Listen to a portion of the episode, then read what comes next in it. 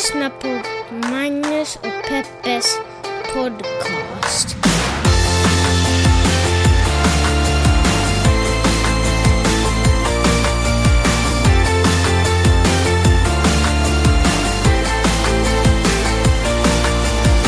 Hallå internet och hjärtligt välkomna hoppas att ni känner er till podcasten som heter Magnus och Peppes podcast. Jag heter Magnus Silvenius Öhman. Och jag heter Peppe Öhman. Och den här podden är en feministisk, journalistisk och mediegranskande podd som tittar lite på vad som händer runt omkring oss. Och eh, vi sitter ju i Santa Monica, ifall det var någon som inte visste det. Och Santa Monica är ju en stad i Los Angeles County i eh, Kalifornien. Det är bara, du vet, en liten sån här en liten eh, snabb introduktionskurs. Man skulle säga att den ligger mellan downtown LA och Stilla havet. Ja, eh, men sen finns det ju en massa andra saker som ligger däremellan också. Men när jag flyttade hit så trodde jag nämligen att allting var liksom staden Los Angeles. Och det här var typ som, Santa Monica kanske var typ eh, eh, Boxbacka. Stockholms Kungsholmen. Att det var bara en stadsdel. Men det är en egen stad med en egen, eh, inte guvernör förstås, men en egen borgmästare skulle jag säga. Och ett eget polis och vad heter det? Fire Department och Police Department. Så, ifall någon brydde sig. Ifall någon brydde sig. Eh, Peppe, berätta. Har det kommit in massa reaktioner på eh, vårt Aziz Ansari-snack förra tisdagen? Skulle man kunna säga att det hettar till ordentligt mellan dig och mig? Inte, ja, det skulle man kunna säga. Har folk kommenterat det? Ja.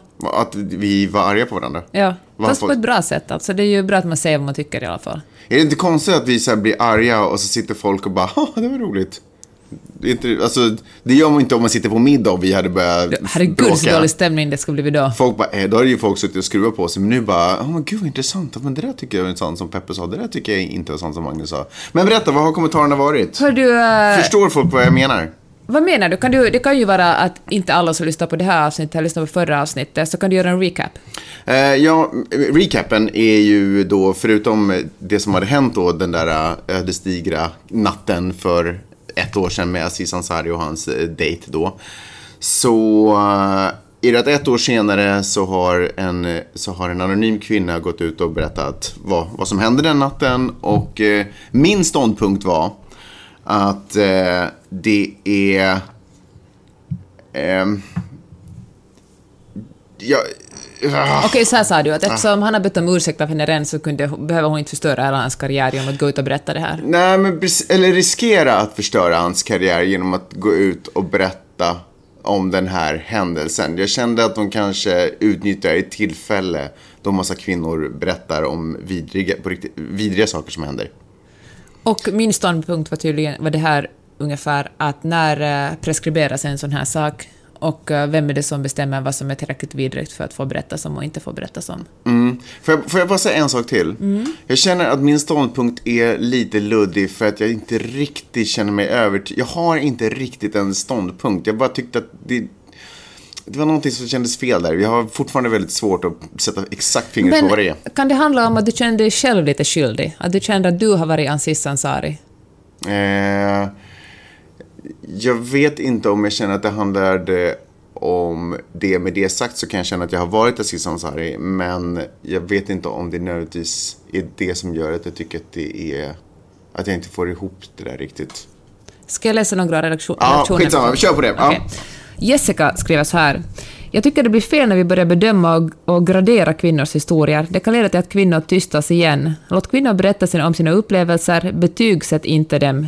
Betygsätt i så fall männen. Om kvinnans historia enligt dig som hör den inte var inom citationstecken så farlig, agera efter det i din relation till mannen. Sluta fokusera på kvinnan och vrid och vänd på hennes ord och fundera istället på hur, och, och fundera på hur trovärdig det är. Titta istället på mannen, vrid och vänd på hans ord. Upplever du honom som en bad guy? Om inte, fine. Ha en relation till honom då, men var om du vill uppmärksam på hans beteende. Om vi vrider på det, om vi kollar på Aziz Ansari då. Men ska vi kolla på honom? Nej men är han en liksom good guy?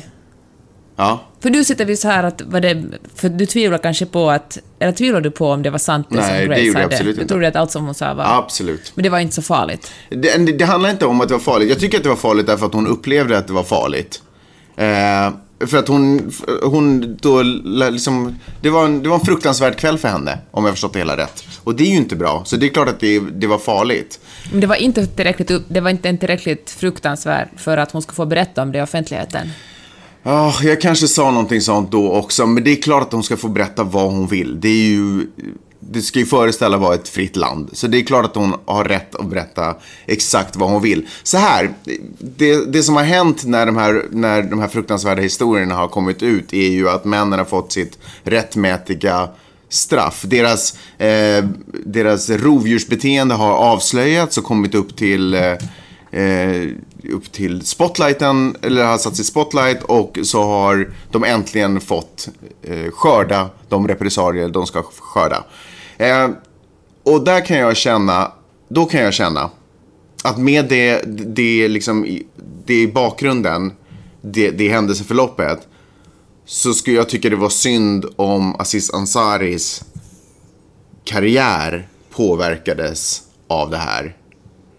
För att jag tycker inte att, nu, nu kanske det inte gör det och då är ju hela min argumentation eh, meningslös egentligen.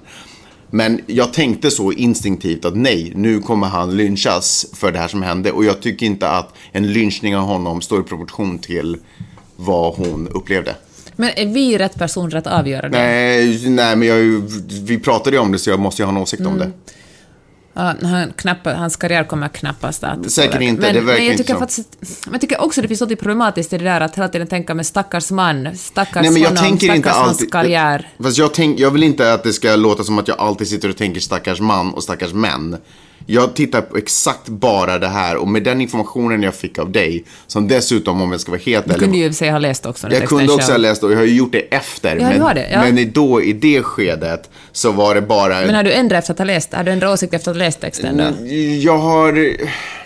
Ja, på så tillvida, för att jag har ett svagt minne av att jag liksom har argumenterat för att hon kunde bara hållit käften om den här historien, för den historien bara utagerar. Och det kanske jag inte riktigt tycker. Det är, som sagt, det är klart att, att, hon ska få, att hon ska berätta om saker som, eh, som hon har upplevt. Såklart, det, vi, vi lägger inte munkavel på folk och det är klart att folk ska få berätta om sådana grejer. Och också belysa ytterligare ett exempel på eh, mäns beteende. Så att det kommer fler och fler exempel. Vi har, vi har liksom inte för många exempel på det. Det är liksom inte mättat. Fast det sa du faktiskt i förra Jag sa det då också, men, jag, men jag, jag tar tillbaka det. Jag känner inte riktigt så längre nu när jag fått smälta och, och titta på massa andra saker. Och hört andra människor argumentera också om jag ska vara helt ärlig. Eh, till exempel den här Bi, vad heter hon som, hon som har den här Samantha. Ja, Samantha Bi som har en... en Jag kollar just på den monologen faktiskt. Ja, eh, jag med. Eh, så ännu en av dem som säger, ja ah, fan, det är klart, det har hon ju helt rätt i. Så det hade ju helt klart fel, det är ingen snack om saken. Men, eh, nej inte men.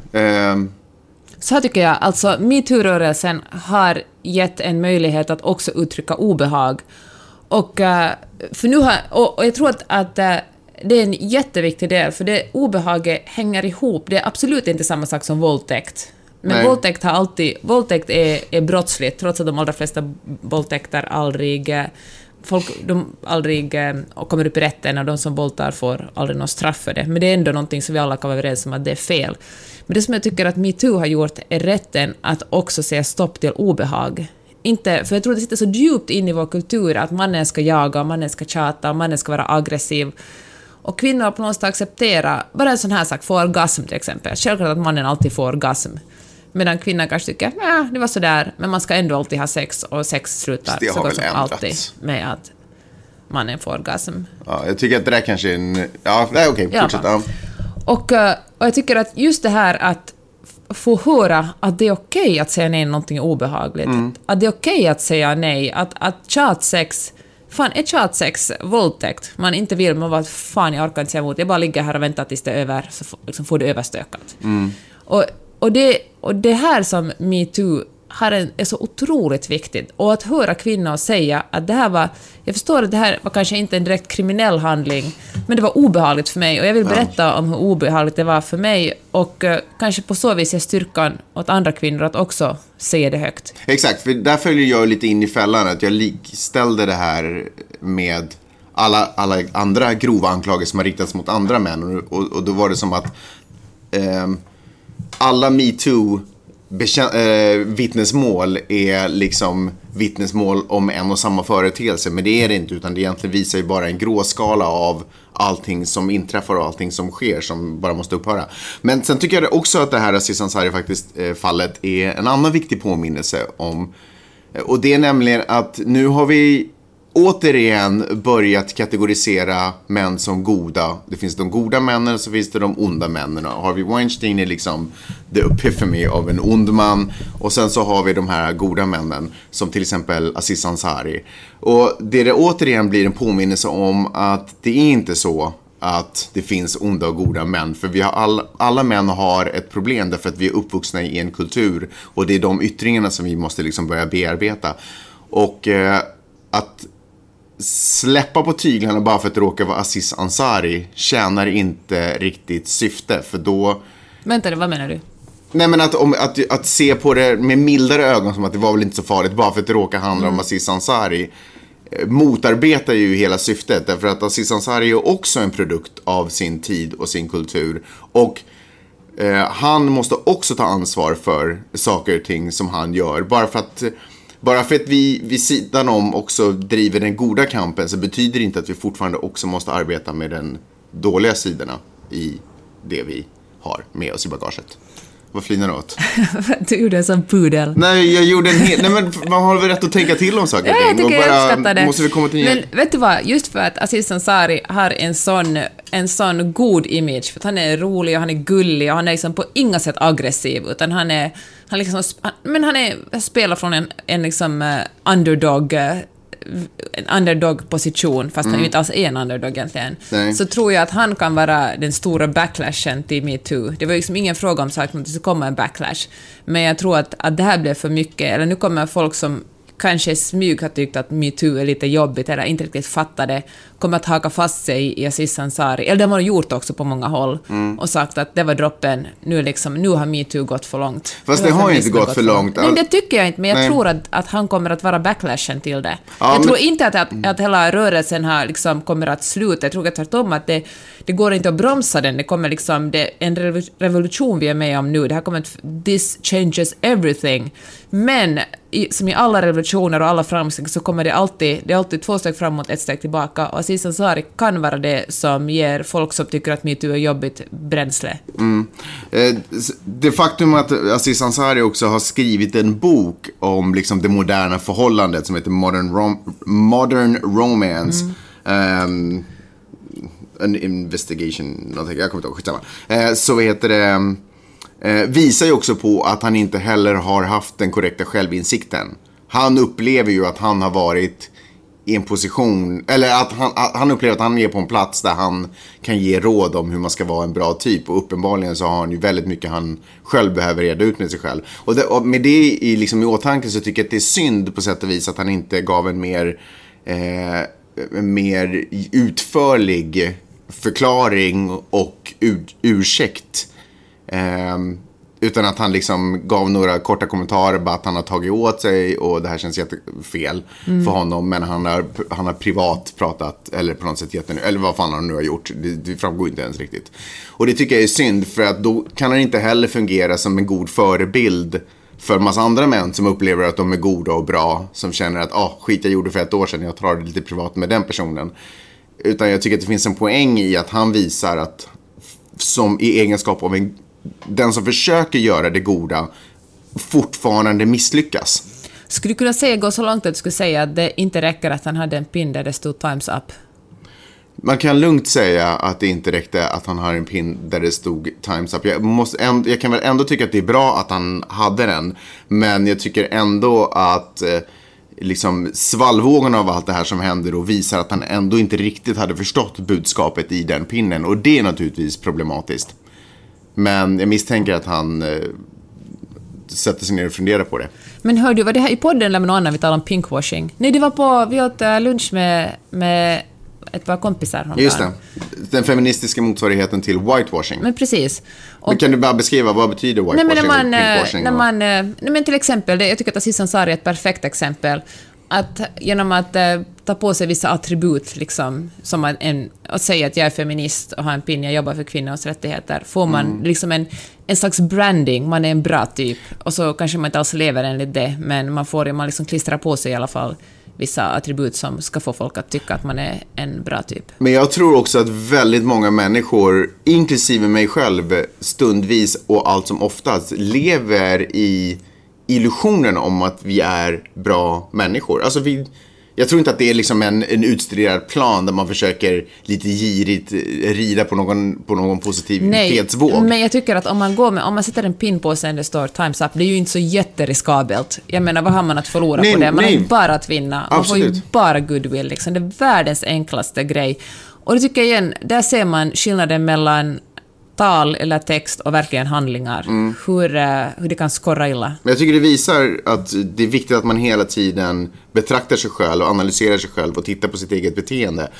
Jag tror att han hade absolut goda intentioner. Jag tror att hon står helt f- 100% bakom den feministiska liksom, kampen och eh, strävan att eh, få ett mer jämställt samhälle och jämlikt samhälle dessutom.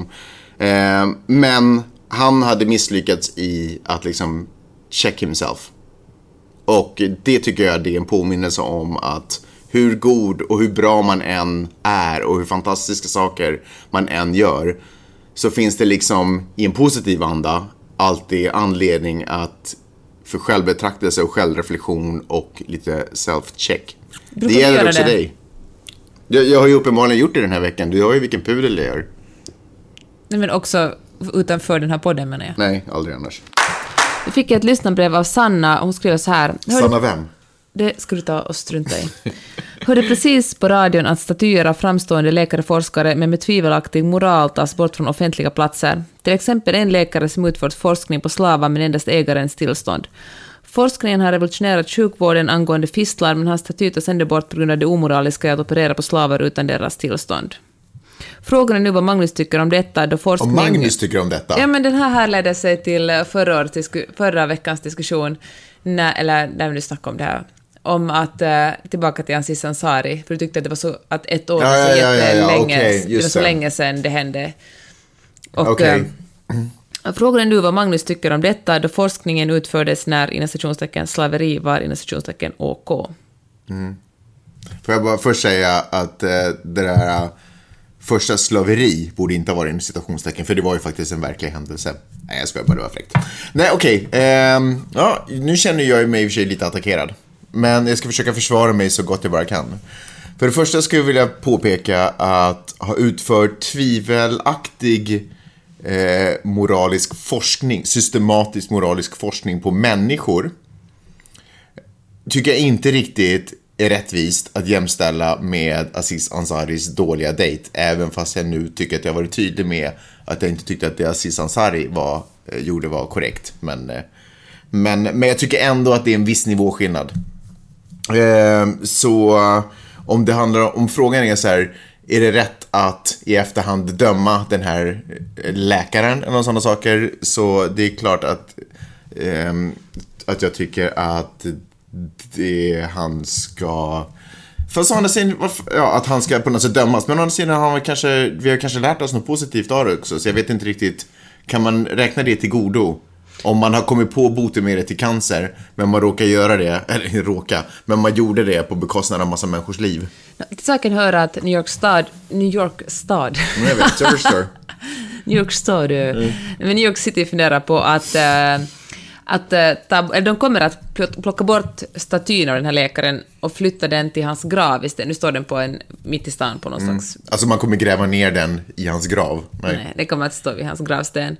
Och eh, det kommer, på det stora hela kommer de att ta bort eh, statyer som, av människor som har gjort saker som inte är okej i dagens ögon. Och så kommer de också att se över överhuvudtaget statyerna och monumenten i staden och fundera att är det här liksom en bra representation av vår stad? Är det bara till exempel vita gubbar eller finns det andra kön och uh, hudfärger representerade? Men eh, det, kom, det kan ju inte finnas, om, om det, då undrar jag lite, vad drar man gränsen för vad som är dåligt beteende? För jag tror att vi kan konstatera att om det är en man som har varit staty, så har den mannen i sitt liv betett sig omoraliskt och bedrägligt. Så då borde ju alla statyer föreställande män tas ner. Eller, Fan, var, det var du som sa det, inte eller var, var, var börjar vi dra gränsen för vilka statyer som, är det liksom, ja var drar vi gränsen? Men kanske man diskuterar det, tar en staty åt gången och tänker sig att okej, den här personen utförde medicinska experiment utan att fråga om samtycke. Det var ju mycket som i samhället förr i tiden liksom var förkastligt beteende men som var comme då. Eh, så då borde vi egentligen bara ta bort alla statyer egentligen. Jag tycker att man kan ta det liksom en staty åt gången och fundera, är det här en, en lämplig staty? Vill vi att den här personen som har den här bakgrunden ska stå mitt i vår stad? Ja, jag känner att man kan nästan låta statyer stå kvar där de står. Men tycker du också att den där Saddam Hussein-statyn ska stå kvar mitt i, i som man i jag, kan Bagdad? inte, jag kan inte se hur en staty kan skada någon när personen som den föreställer är hängd. Men förstår du inte symboliken? Att ha en jättestor staty som är, som är ursprungligen, vad gör man, uppställd? En staty, rest, Ja. för att man ska hylla den här personen. Ja, fast det att- var ju han själv som reste den. Det var ju inte så att folket reste den för att hylla personen. Nej, men det fanns ju en massa människor som tyckte att Saddam Hussein var en jättebra typ. Ja. En massa sunnimuslimer. Ja. Jag menar, alla hatar ju inte honom. Nej, stämmer. Och... eh, men Skulle jag ändå du våga att... påstå att det inte var de som reste statyn i hans Men... ära. eh, varför det? Därför att jag är ganska säker på att han har rest den själv. Men jag är bara... men det här är liksom Ja, nuster du akillgissar. ja, ja, ja. okej. Och- Medan men du baserar du- dina kommentarer på fakta. Nej, men jag sa att jag var inte Ja, alls whatever. bombsäker. Det var att jag vet att det är Saddam som Nej, men har rest den här statyn. Och jag sa Men alltså, att det fanns en massa sunnimuslimer som tyckte Ja, som men han. diktatorer reser väl statyer för sig själva. Det är väl hela grejen. Ska vi säga så här att diktatorer har också människor som älskar dem. Ja, fine. Vad, vad är din point? Min point är att eh, Fidel Castro till exempel, massa ja. folk hatar honom, en massa folk en honom. diktator. Ja, men jag vill säga det, Diktator. massa folk på Kuba tyckte att han var en jävligt bra typ. Mm. I alla fall så tror jag att det skulle kännas extremt kränkande för en massa förtryckta människor i Irak eller Bagdad om att gå förbi en staty av Saddam Hussein. Mm. Tvärtom måste det kännas otroligt befriande för dem, bara i symboliken att, att eh, dra ner den och Mm. låta den krossas mot marken. Och då kan jag tänka så här, om du inte är vit i New York och om dina, kanske dina anfäder har varit slavar, kanske känns jävligt skönt att den där statyn flyttas bort från, från din promenadväg till jobbet varje morgon. Påminna om ytterligare ett övergrepp som har begått. Mot den svarta populationen.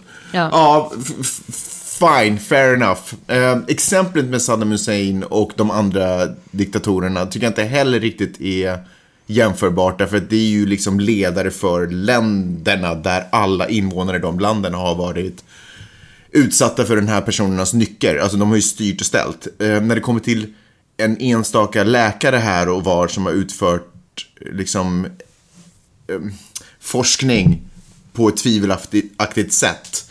Jag tycker inte heller att det är rättvist, men det är klart att, att jag kan förstå att om man är afroamerikan och man vet att den här personen har utfört massa eh, forskning och experiment på ens eget folk, om man kan prata i de termerna. Så jag kan se att det kanske är schysst då att, att hänsyn, av hänsyn ta bort den statyn. Men jag kan också känna att det finns en massa tillfällen då jag upplever att man tar bort statyer och minnes, det som en gång har varit minnesmonument Som till exempel... av tvivelaktiga personer. Jag kanske inte är helt 100% övertygad om eh, att poängen med att ta bort eh, den här um, konfederationssnubben där nere någonstans. Fast honom flyttade de ju också bara. De tog inte bort honom. Nej, okej. Ja, men du ser. Ja, men det är väl bra då i, och för sig. För jag tycker att det kan finnas poäng med att man har historiska moment uppe, även fast de inte är liksom Vilket moraliskt... historiskt förs- moment tänker du nu på? Va? Förlåt. Nej men, no, okej, bara, jag kan tycka att det finns en poäng till exempel att vi har Karl XII stående på Kungsträdgården i Stockholm, fast det kanske inte var den mest, liksom, eh, den, kung, den av alla regenter vi haft som man ska se upp till, kan liksom ha anledning att se upp, se upp till mest. Men jag tycker att det kan finnas en poäng i att man omvandlar, okej att statyn restes en gång för att hedra, men att man kan omvandla den eh, eh, vad ska man säga, man kan omvandla den poängen med statyn till att det snarare blir ett, ett historiskt minnesmonument som vittnar om en tid som har skap, som liksom ändå är grunden till att staden ser ut som den gör idag. Och Det här liksom, är New York faktiskt lite på din sida. Här står så här att samtidigt kommer vissa andra kontroversiella statyer i staden att få informationsskyltar som beskriver deras Det historiska tycker jag är kontext. briljant. Ja, jag håller med om det. Man kanske inte behöver vara så svartvitt, men jag tycker ändå kan jag förstå att det känns kränkande, som någon som de intervjuar här säger, Ja. att äh, Seshat Mack har promenerat framför statyn i New York som hon passerar varje dag på väg till sin utbildning. Vit makt behöver inte alltid se ut som vita huvud eller brinnande kors, ibland ser det ut som en doktor i en vit rock, säger Mm. hon. Och då tänker jag, kan ju förstå att att det måste kännas jävligt skönt att få Det bort stämmer, den men- figuren. men sen- och sen så tänker jag att det finns ju också andra sätt att att eh, vi lever ju inte längre i ett samhälle där bara visuella monument och på något sätt en muntlig tradition lever, utan det finns ju historieböcker också. Också sant. Men eh, om jag får backa tillbaka till en av mina första poänger så har jag svårt att se att någon av de här männen som är resta som statyer, som levde för 100 eller 150 eller 200-300 år, att någon av dem skulle vara moraliska föredömen i sitt liv. Så då kan jag inte se att det- finns anledning att ha någon staty uppe egentligen. Om, det hela, om, det liksom, om man ska bedöma statyns kvarvarande på, för deras liksom liv. Eller liksom, men ni fattar vad jag menar. Jag får inte riktigt ur orden, men ni fattar vad jag menar. Men kanske du tänker som, eller alltså... Ja, jag tycker, jag tycker att vissa statyer är självklart att man ska ta bort dem. Jag tycker att, att liksom, eh, det inte finns någon fråga om saken, att förflytta på dem. Jag tycker att vissa, det kanske faktiskt har väldigt stort, att det handlar om exakt var de står. Står de mitt i stan på en hedersplats, kan jag förstå att det sticker folk i ögonen, eller att det verkligen gör folk illa genom att gå förbi dem. Men om det skulle finnas en, en, eh, en, en känd våldtäkt, om, eh, om jag ska säga okej, Bill Cosby, han gjorde en jätte, han liksom etablerade etablera ett TV-program som vi gjorde att det visades andra människor än vita på TV, som, blev liksom, som också andra än svarta kollar på. Vi reser upp en jättestor staty för honom mitt i stan, för kolla vad han gjorde. Det kan jag kännas otroligt obehagligt med tanke på han, vilken liksom våldtäktsman han är. Ja, sant.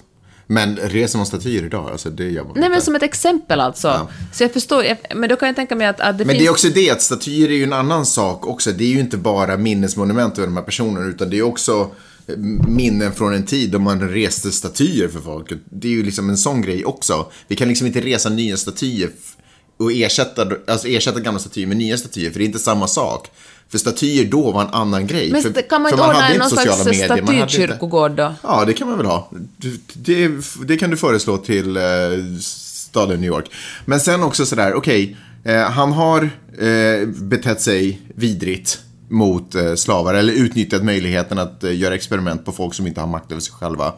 Men han har å andra sidan också gjort fantastiska framsteg. Eh, går det att väga upp det på något sätt? Nej, för det går inte. För i så fall kan man ju börja experimentera på människor nu och säga Men det gör man ju. men om vi bara offrar dig nu så kanske vi kommer att hitta... Då kommer vi, du kommer att göra någonting gott för mänskligheten. Ja, Utan samtycke. Ja. det är inte okej. Nej, Även fast han är, det, det, resultat, annars skulle vi ha varit tvungna att vänta mycket längre på Välkomna det. till Filosofipodden. Ja, men ja, okej, fine. Nej, men vi Eh, jag kan filosofera över det. Jag tror bara att det är svårt för oss att kanske komma någon vart. Ja. Eller? Men vet du, det, jag kollade på en eh, stand-up comedy show av eh, komikern Dave Chappelle. Jag börjar ju kolla på det med dig. Ja, men jag kollade på, han har gjort flera. Och vad heter det, i slutet på en av de här eh, Eh, föreställningar föreställningarna som han har. Det är liksom efter då hans comeback, för han hade ju för länge sedan var han ju liksom populär på MTV eller vad det var. Och sen så hade han inte uppe på jättelänge och nu har han då på något sätt kommit tillbaka. Skitsamma, gör en lång historia kort. Så i slutet av den, den föreställningen så ger, berättar han om en ung svart man som eh, kom från Chicago som av någon anledning skulle ner till södern för att kanske hälsa på några släktingar och liknande. Och, och en av de sista sakerna som hans mamma sa till honom innan han lämnade Chicago var sådär, vad det än gör, det här var för, det här var på kanske 50 eller 60-talet. Så vad det än gör, med vit man tittar på dig, titta bort. Liksom. Möt inte en vit mans blick. Eh, men som David Chappelle då lägger upp det så killar från Chicago är inte rädda av sig. Så när han kom ner till eh, södern då och hängde med sina polare eller kusiner eller vad det var han skulle hälsa på så stod de utanför en butik och ur den här butiken så kommer en vit ung tjej. Och, eh, och han tittar på henne, han är så här ungefär. Och hon blir, eh, tycker inte alls att det var roligt. Eh, och hon hoppar in i kanske bilen eller hon försvinner. Men dagen efter så, i, där han bor, så helt plötsligt stormar det in ett gäng vita snubbar och drar ut honom och lynchar honom och man hittar hans kropp fyra dagar senare eller någonting och sådär. Och det här blir ju liksom, eh, det här är det som sen Eh, Jo, just det. Och det hans mamma sen valde att göra som var unikt, det var att ha, ha eh, eh, kistan öppen med hans sargade kropp. För att alla, och det blev nyhetsstoff över, över hela USA och alla fick se den här bilden. Och det som hände var att hela den här äh, Civil Rights Movement fick en extra gnista och en extra skjuts. På grund av att folk såg det vidriga och det absurda i den här äh, pojkens öde. Så äh, det så som Dave Chappelle argumenterade var att hur kan en sån här, hur kan vi ha en sån här vidrig händelse att tacka för att vi är där vi är idag, att Obama blev, kan bli president och massa andra saker som också eh, har varit liksom frukter som man kan skörda ur, den här, ur det här fröet. Förstår du vad jag menar? Jag förstår vad du menar.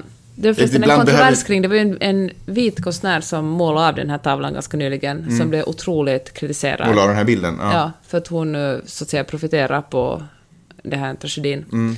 Men hör du, men det kommer ju, ja, fair enough, men så kommer jag också säga att tänk om det kunde ha kommit, funnits en annan lösning. Tänk om inte våld ändå varit, skulle ha varit lösningen. Tänk om det skulle gått att lösa på något Nej, slags fredligt sätt. Nej men sånt här händer ju. Inte, nu kan inte jag komma på något annat exempel. Men jag, har, men jag kan tänka mig om jag skulle, studera, om jag skulle börja gräva i det så, så kan jag tänka mig att sånt här inte... För att historien är inte bara så att det, goda saker som händer och som vi kan skörda frukterna av är fröet av goda saker som har hänt. Utan ibland i historien är ju någonting där dåliga saker händer, goda saker händer omlott och sen så Men vi kan ju inte aktivt tänka så här att om vi låter den här statyn vara framme trots att det var en, en person som var en hög rasist eller en våldtäktsman, då kanske det händer en god sak. Nej, men jag menar, nej, men vi kan väl, vi kan inte heller utgå ifrån att vi bara kan ha, det kommer inte finnas det perfekta och det ultimat goda. Det kommer inte finnas representerat någonstans. Så vi måste också vänja oss vid och acceptera att saker och ting också kan ha en mörk baksida eller en eh, grym baksida och istället för, och speciellt om vi har på något sätt varit delaktiga i den där mörka och den grymma baksidan så borde vi istället för att eh, försöka sopa bort det från från synfältet för andra människor så borde vi kanske lära oss att ta ansvar för det och stå för det. Men och, en staty är ju en det. hyllning. Vad sa du? Alltså en staty är ju en hyllning. Inte idag är det väl inte det? Ja, men alltså, jag kan bra se det som en hyllning om man får stå Det på är ju ett en... På ett, minnesmonument, det är inte en hyllning. Det är ju någonting, det finns ju en anledning till att vi ska minnas fast det. man har ju rest det här, den här... Jo, man, man får ju inte en då. staty för att man har varit en mördare, utan man får en staty för att folk tycker att man har gjort någonting väldigt bra. Ja, fast Och det när- finns också minnesmonument som beskriver det här händer på den här, frukt, det här Fast det fruktansvärda är en på den jävligt stor platsen. skillnad på att ha liksom ett minnesmonument över... Ett minnesmonument än att ha en staty av en människa, en avbild av en människa, och på en, liksom en hedersplats i stan. Jag menar, jag förstår att, att om man själv är, liksom om man, om man är kvinna eller en, någon slags annan minoritet, att det känns jävligt obehagligt att ha en, en person som har begått övergrepp på Ja, men- en sån plats. Men å- ja, Det finns är många sant. andra sätt. Jag, jag tycker inte det handlar om att på något sätt att sudda ut historien eller, eller liksom försöka glömma allt som är dumt. Det finns en massa sätt att komma ihåg det. Finns i litteraturen, det finns i historieböckerna, det kan finnas i musiken, det kan finnas i konsten i form av monument. Men man behöver liksom inte ge den här personen en hedersplats. Fast, eh, his, att, att någon har rest, precis som du säger, när, när den här statyn restes, re- så restes den ju som en hyllning. Så det är ju också ett historiskt äh, monument över en, ett synsätt från den tiden. Fast vi är inte där ännu. Jag tror faktiskt inte att vi är där ännu. Vad Sen den, den där när, det, när, vårt, när USA inte alls är rasistiskt, då kan man kanske ha det som en, en påminnelse. Men då är det för sent, för då har vi redan sopat bort alla sådana här minnesmärken till den dagen. För att vi är redan nu så Men nervösa. det finns andra sätt att minnas än på en staty. Jag tror Jo, det- men vi sopar bort ett all- sätt där, Du talar mycket om södern, den där eh, generalen som har flyttat på, som en massa rasister nere i, i den amerikanska södern, Mm. var det Alabama, nu minns jag inte exakt var den var, protestera mot. De protesterade ju för att de såg den här personen som en hjälte. Förstår du? Ja, fast det var ju väl... Du tror inte att det Jag finns menar, någon det är ju slags... eh, rasister. Det är ju, de kan väl inte att diktera för hur vi ska nu lever vi, ett- forma nu samhället. lever vi på en plats där det finns rasister, det finns antifeminister, det finns vidriga människor, men vi är inte framme där ännu. Det är samma sak som med metoo-rörelsen. Folk vet inte ännu om det. Men vadå, så när vi är framme, då tar vi tillbaka statyerna till deras ursprungsplats? Vadå, vi är inte där ännu? Nej, men det är inte ett hållbart inte argument. Där, det är inte ett hållbart, argument att vi går förbi den och tänker på åh, vilken skön Men tänker så- påminnelse jag om tänk- att, att folk Fine. begick övergrepp på slavar. Så här är det. När man förstör någonting så då går det inte att göra det ogjort. Men om någonting får vara kvar så finns det fortfarande möjlighet att bearbeta och, och, och hitta ett sätt att på något sätt, jag menar jag säger inte att det inte finns statyer som borde plockas undan. Men jag, och som kanske det här, det här kanske är ett exempel på det. Där det är en staty som verkligen borde flyttas. Men jag kan också, jag kan också känna att vi sopar ibland hellre undan saker än att vi lär oss att acceptera och liksom tar avstamp ifrån det. Tycker jag. Ja, ja, whatever. Vadå whatever? För 15 år. Jag har ännu en grej på Aziz Ansari. Yay! Uh, när vi snackar samtycke, eftersom den här historien har ju liksom levt uh, vidare under, sen vi talade senast om den, och det menar inte senast den här podden, utan nu börjar tala om den. Men samtycke, när man, eller många har skrivit så här, men, vad fan, varför drog hon inte iväg därifrån? Liksom? Och hon sa ju verkligen inte tydligt nej, att om hon bara signalerar med kroppen och Har du liksom, kollat på Fox News nu eller? Nej. För det är ju där de argumenten kommer fram mest. då. Ja, att hon borde ha sagt nej, hon borde ha dragit därifrån, varför gick hon med på det? Men då tänker jag att varför ser man...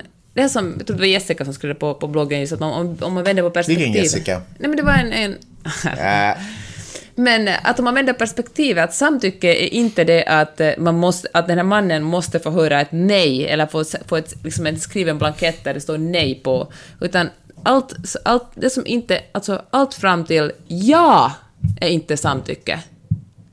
Förstår du? nej. Allt, om en kvinna, om en kvinna är tyst, tyst, tyst, då är det inte automatiskt samtycke. En kvinna måste inte bevisa att hon verkligen inte vill ha sex med dig för att det inte ska vara samtycke. För att det ska vara samtycke så måste, ska en kvinna vara så att ja, jag vill verkligen ha sex med dig. Måste säga det. Säga det eller verkligen, verkligen visa det. Ja men det är ju där det är problemet. Visningen är ju, det är där... Nej, men nu säger du att alla män är fan jävligt dumma i huvudet. Nej! Ja.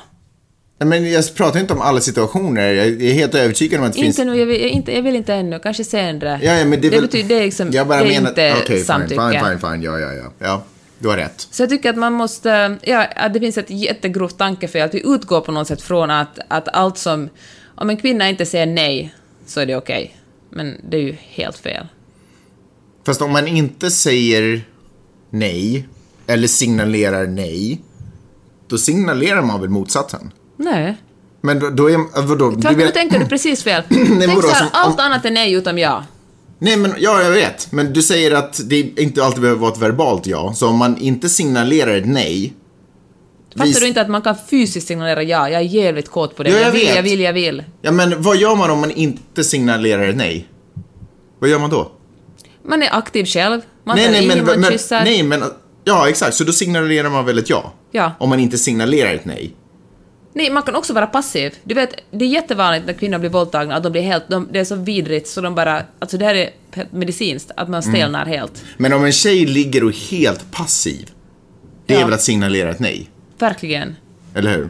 Verkligen. Eller om hon inte rör det överhuvudtaget. Så det eller finns inte en neutral, sådär, en, en gråzon där hon antingen signalerar ja eller Men nej? om man är snubbe, då, man, då tycker jag det, det är en bra tanke. Då kan Men man om hon det kan kysser det tillbaka, tankeregel. är det ett sätt att, att visa att hon accepterar? Om man är osäker på det, då kan man fråga vill du det här?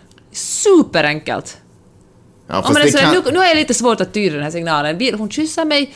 Eller är det mest jag som kysser? Hur Fast- ska, jag, hur ska jag få reda på om hon vill eller inte? Men Fråga! Jo, jo, jo, jag vet. Men nu, okej, nu tänker jag ge mig in i det här. Jag tänker bara kasta mig huvudet rakt in i det här och säkert framstå som superkorkad och superidiotisk. Men allting du säger och allting som jag också förstås vet är ju otroligt lätt att begripa och förstå på en teoretisk på ett teoretisk nivå. Men jag vet också situationer där det har varit så sjukt, alltså sådana här sexuella möten och, och, och sådana saker kan ju vara otroligt nervösa också. Det kan ju vara stressande, man kan ju vara supernervös och då kanske man inte heller beter sig så som man skulle bete sig i vanliga fall därför att det kanske är svårt att lä- man, man är så upptagen med vad man själv ska göra och, och alltihopa. Jag vet Som ju- man bara i misstag våldtar någon liksom. Nej, men inte misstag, våldta. Det är klart att det, det är ju hemskt få som går in i en situation och tänker att åh, nu ska jag våldta den här personen. Ibland, om, speciellt inte om det har föregått Man av bara en... våldtar av misstag liksom. Speciellt inte om, ja, speciellt inte Nej, om men det, Nej men jag är inte på väg att säga det, du sätter orden i min mun nu. Speciellt om det har föregåtts av en dejt, om man har varit ute och haft roligt, så kanske man, alltså jag menar att kroppsspråk, det kan ju tyckas väldigt tydligt och, och klart teoretiskt, på en teoretisk nivå, att det här är ju såklart att förstå. Men om, om man blandar in en massa nervositet och stress i det hela, jag vet ju bara hur nervöst det kan vara att sätta på en kondom och göra ett avbrott för det. Och att göra, och att slå, att liksom praktisera den tanken, eller att omsätta den tanken till praktik, att säga sådär, vill du det här? Den gränsen kanske är, är Men då är man för omogen för att ha sex helt enkelt. Då är man inte redo för det.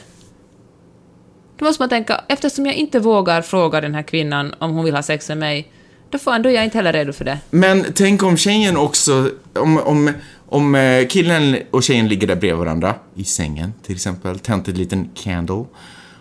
Och han är så här, som i en, eh, en gammal svensk film typ. Vill du det här? Och hon är skitnervös och superstressad. Ja. Och bara, ja... Är det ett ja eller är det ett nej? Om du är osäker kan du Gör fråga. inte det. Är du säker? Är du säker på att du vill göra det här? Ja. Det, det, ja, alltså jo, det är väl... För det, som är du helt- lägger upp det här nu är liksom det alldeles, liksom ett, ett abnormt att inte ha sex. Om du var så att ja, man går på dejt, så ligger man i sängen, det är klart det ska sluta i sex. Nej, men det är väldigt om- många människor där ute som har sex. Men tänk om du tänker tänk om du tänker... Observera, ja, där ute. Men, men tänk, om, tänk om du bara tänker om det så här att det, det är ingen självklarhet. Utan det kanske, kanske hon inte vill det. Det är liksom ingen självklarhet att man ligger i en säng naken med varandra att det ska bli sex. Men det är kan liksom det- inte, kan det det, inte vara det så att- konstiga är inte att det inte blir sex. Men kan det inte vara så att, sådär, att då kan ju tjejen säga sådär, men jag vill inte det här. Alltså, må- måste det vara en gissningslek från snubben? Eller måste, måste det... Det är just för att det inte ska vara en gissningslek som han kan fråga. Ja, Om, alla, om han är sådär att fan jag vet faktiskt inte. Jag vet inte, hon, det verkar konstigt det här. ja. Fan, fråga. Men sen så tänker jag också att eh, det är klart att det är ju inte bra att ha sex utan samtycke. Eller det ska man ju förstås inte ha. Men så tänker jag också att jag har haft sex utan att jag egentligen ville det. För ibland gör man bara dumt skit. Och liksom ibland är dejter bättre och ibland är dejter sämre. Men, men eh, så länge liksom ingen har skadats eller liksom mår fy- blir fysiskt liksom eh, utsatta eller någonting så... Men vet du, den risken finns om man har sex utan att vilja det. Att det kan kännas jätteobehagligt. Ja. Uppenbarligen hade den här kvinnan Grace gått och, och hon har liksom gått omkring och tänkt på det här i ett år. Ja, det hade, eller så blev hon påmind när hon helt plötsligt såg honom med en pin. Hon kanske inte hade tänkt på det ett år. Ja, ja. Men ja. eh, vi, vi kanske kan lämna den grejen det känns där. som du är ute på så otroligt uh, tunn is nu, Magnus. Ja, men vet, det, jag tycker att det är... Jag vet, och som... Det är ju bara kvinnor sinsemellan som kan ha den här äh, diskussionen och de här samtalen otroligt öppna. Det är bara tjejer som kan ifrågasätta varandra på det här sättet. Så fort jag gör det i egenskap av snubbe så är jag naturligtvis ute på djupt vatten för jag vet ju per definition inte vad jag talar om för att jag är inte tjej och har aldrig blivit utsatt för den situationen där jag är undermäktig fysiskt eller, eller någonting annat. Så förstås, men jag känner också att det är lätt att teoretisera kring saker och ting. Men kan man tänka så här, ja. Och, och sex är någonting som vi ändå kommer på något sätt, både killar och tjejer kommer försöka ha med varandra. Och så fort man försöker ha det med varandra så är man någonstans också lite ute på djupt vatten. Hur man än gör det.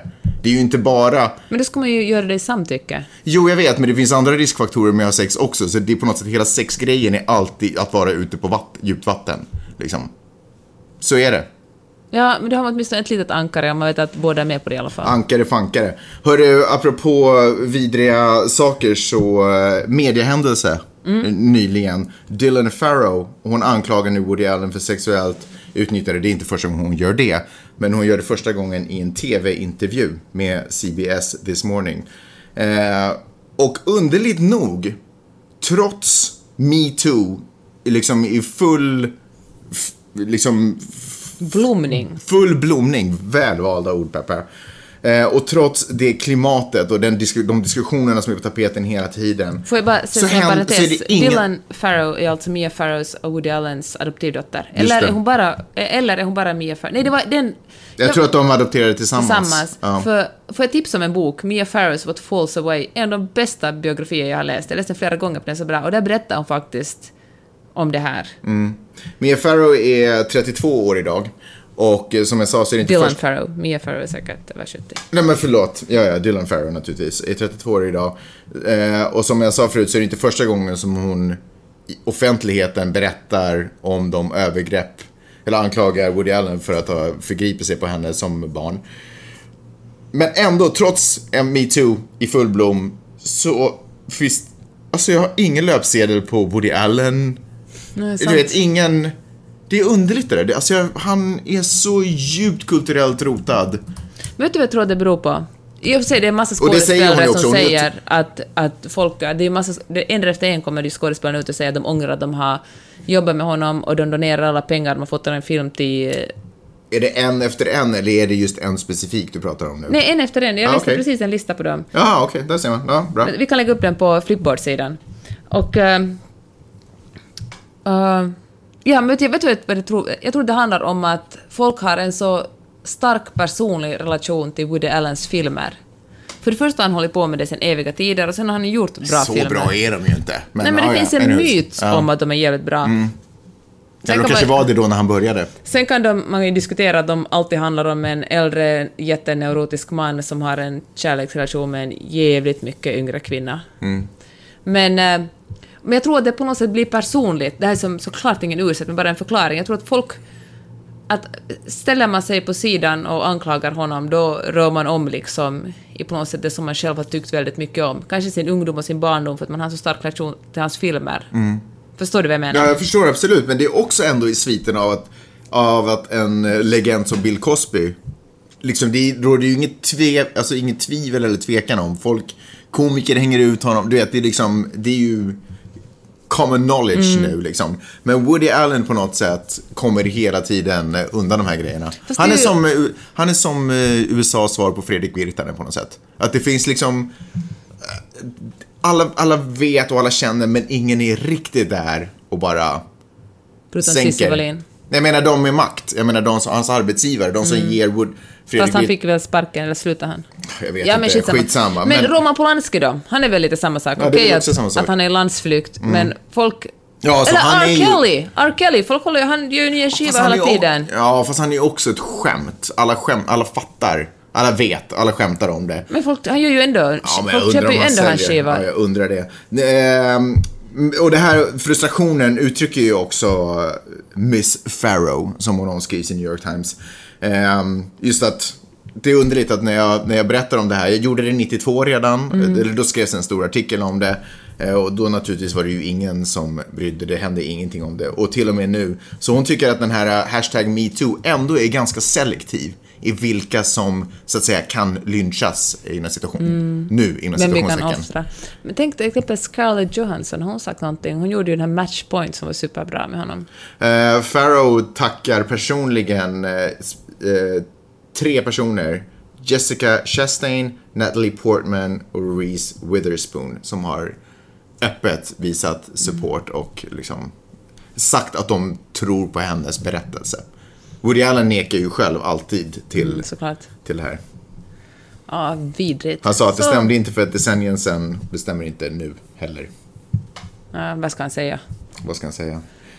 Fy fan vad vidrigt. Ja, hon Fy berättar hur fan. han eh, har tagit upp henne på vinden och hon har fått eh, titta på, eller han säger så här, ligg dig på mage och lek med det här Nej men eh, fy, jag vet, tåget. jag läste också det där. Eh, ja, Och våldtog henne. ja. Ja, så Hur gammal var hon? Sju? Jag vet inte. Ja. Jag vet inte, men äckligt är det. Orättvist är det också. Det är någonstans orättvist att, att det finns den här gränsen också för, för vilka som Mm. kan sänkas. Det är som att eh, jag tittar på en fängelse... Får Ja. jag säga bara, alltså Weinstein hade ju folk inte ett, på samma sätt en personlig relation till. Man kan ju inte säga att ah, det är en Weinstein-film.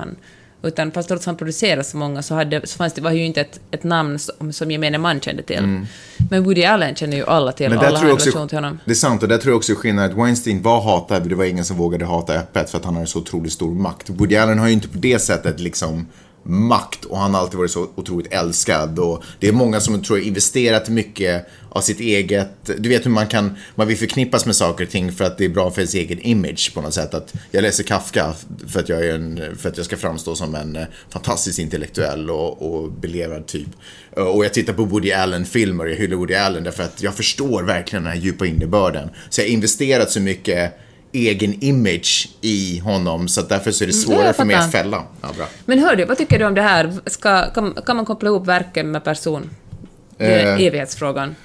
Jag tycker att jag har ställt den tusentals gånger i den här podden också. Eh, jag tycker att, ja men det, jag, man måste ju alltid, man kan ju inte bortse från personen bakom verken. Det kan man inte göra.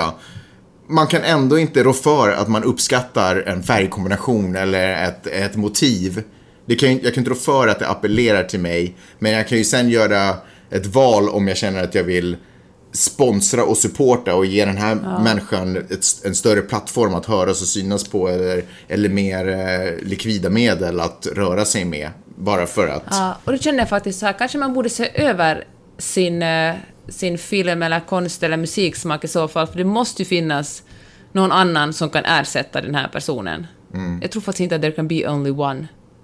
Förstår du vad jag menar? Jag förstår mycket väl vad du menar. Peppe, superintressant diskussion. Nu är det så här att vi har, eh, den här podden har pågått nu i snart 50 minuter. Så jag tänker att det här får vara del ett. Och så fortsätter vi med en del, för vi har otroligt mycket mer att prata om. Så vi droppar två avsnitt bara, puff, puff. Okej. Är du med? Ja. Två avsnitt samma dag. Ja. Det här är ju lite sent ute nu, så vi bara droppar en till Ja. direkt efter. Okej. Så tack så hemskt mycket för att ni har lyssnat på del 1 och eh, låt det ticka där i bilen bara så kommer del 2 ut här nu alldeles strax efter. Bra, vi hörs!